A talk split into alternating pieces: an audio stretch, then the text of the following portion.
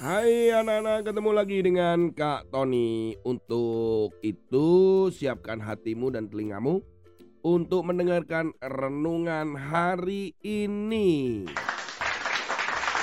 Sebelum mendengarkan renungan yang akan kita ambil dari kitab Amsal Ya sekarang kita mendengarkan kisah ini dulu Beberapa waktu yang lalu ada seorang bernama Tommy Thompson. Berumur ya 70 tahun begitu.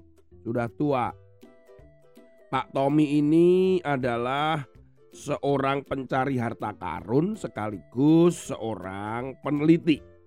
Ternyata Pak Tommy ini ditangkap dan dimasukkan ke penjara anak-anak. Kenapa?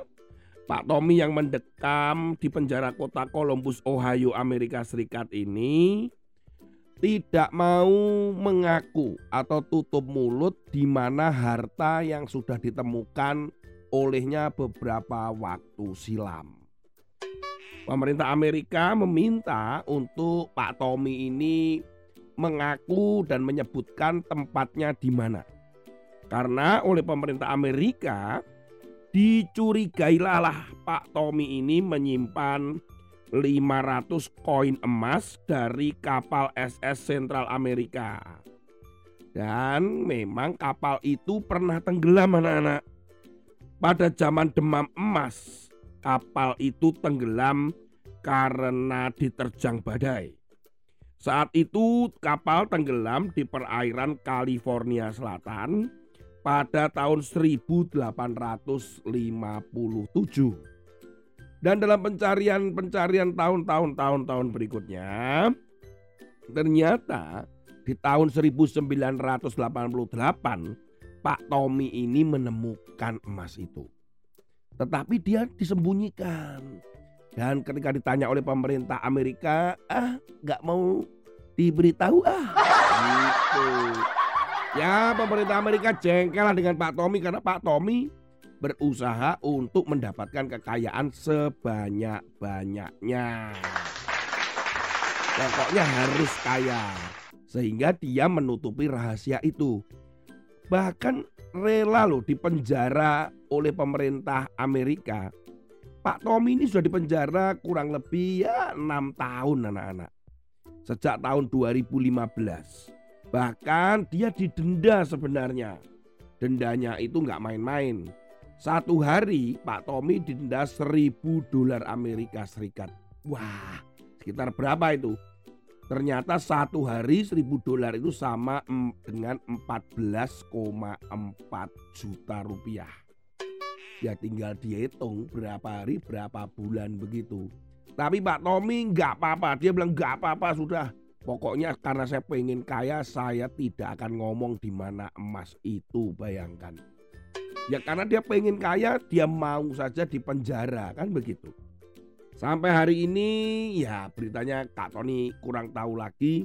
Tapi yang jelas Pak Tommy penemu harta karun itu di penjara selama lebih dari enam tahun karena tidak mau ngaku menunjukkan di mana harta karun yang banyak itu karena pengen kaya. Makanya firman Tuhan hari ini Amsal pasal 23 ayat 4 dan 5. Jangan bersusah payah untuk menjadi kaya, tinggalkanlah niatmu ini. Kalau engkau mengamat-amatinya, lenyaplah ia karena tiba-tiba ia bersayap lalu terbang ke angkasa seperti Raja Wali. Ayat ini mengingatkan kita kalau motivasinya atau dorongannya itu pengen kaya, pengen kaya, pengen kaya, pengen kaya. Hati-hati katanya. Karena itu kekayaan itu tidak dibawa mati kekayaan itu juga akhirnya ditinggalkan. Bisa saja kekayaan itu hilang dalam sehari. Ada orang kaya punya segala sesuatunya, hartanya tiba-tiba habis terbakar bersama rumah dan perusahaannya. Atau karena hal-hal yang lain. Bisa jadi karena bencana alam atau ditipu orang. Ternyata harta yang banyak keinginan untuk kaya Dikatakan bahwa kekayaan itu bisa saja terbang ke angkasa seperti Raja Wali dan kekayaan itu bisa punya sayap katanya. Bisa hilang gitu. Nah kita nggak selalu mencari kekayaan, kekayaan, kekayaan begitu. Tuhan mengatakan kita harus mencari Allah, mencari Tuhan dengan segala kebenarannya. Itu akan ditambah-tambahkan kepadamu. Jadi kalau kita pertama yang dipinginkan, apa cita-citamu anak-anak? Pengen kaya gitu. Kenapa kamu ini belajar kok rajin sekali? Pengen kaya. Ini yang harus, harus, harus, harus, harus, harus, harus dihindari. Kita belajar pengen apa? Pengen memberikan dampak buat banyak orang. Kita seperti ini ingin apa? Menyenangkan hati Tuhan. Nah begitu. Jangan main-main pengen kaya pengen kaya karena hati-hati karena kekayaan itu bisa datang dan pergi dan kita bisa kecewa karena apa? Karena itu tidak kekal. Oleh karena itu, carilah hikmat, renungkan firman dan lakukanlah firman. Tuhan Yesus memberkati. Sampai ketemu lagi dengan Kak Tony. Oke, bye-bye.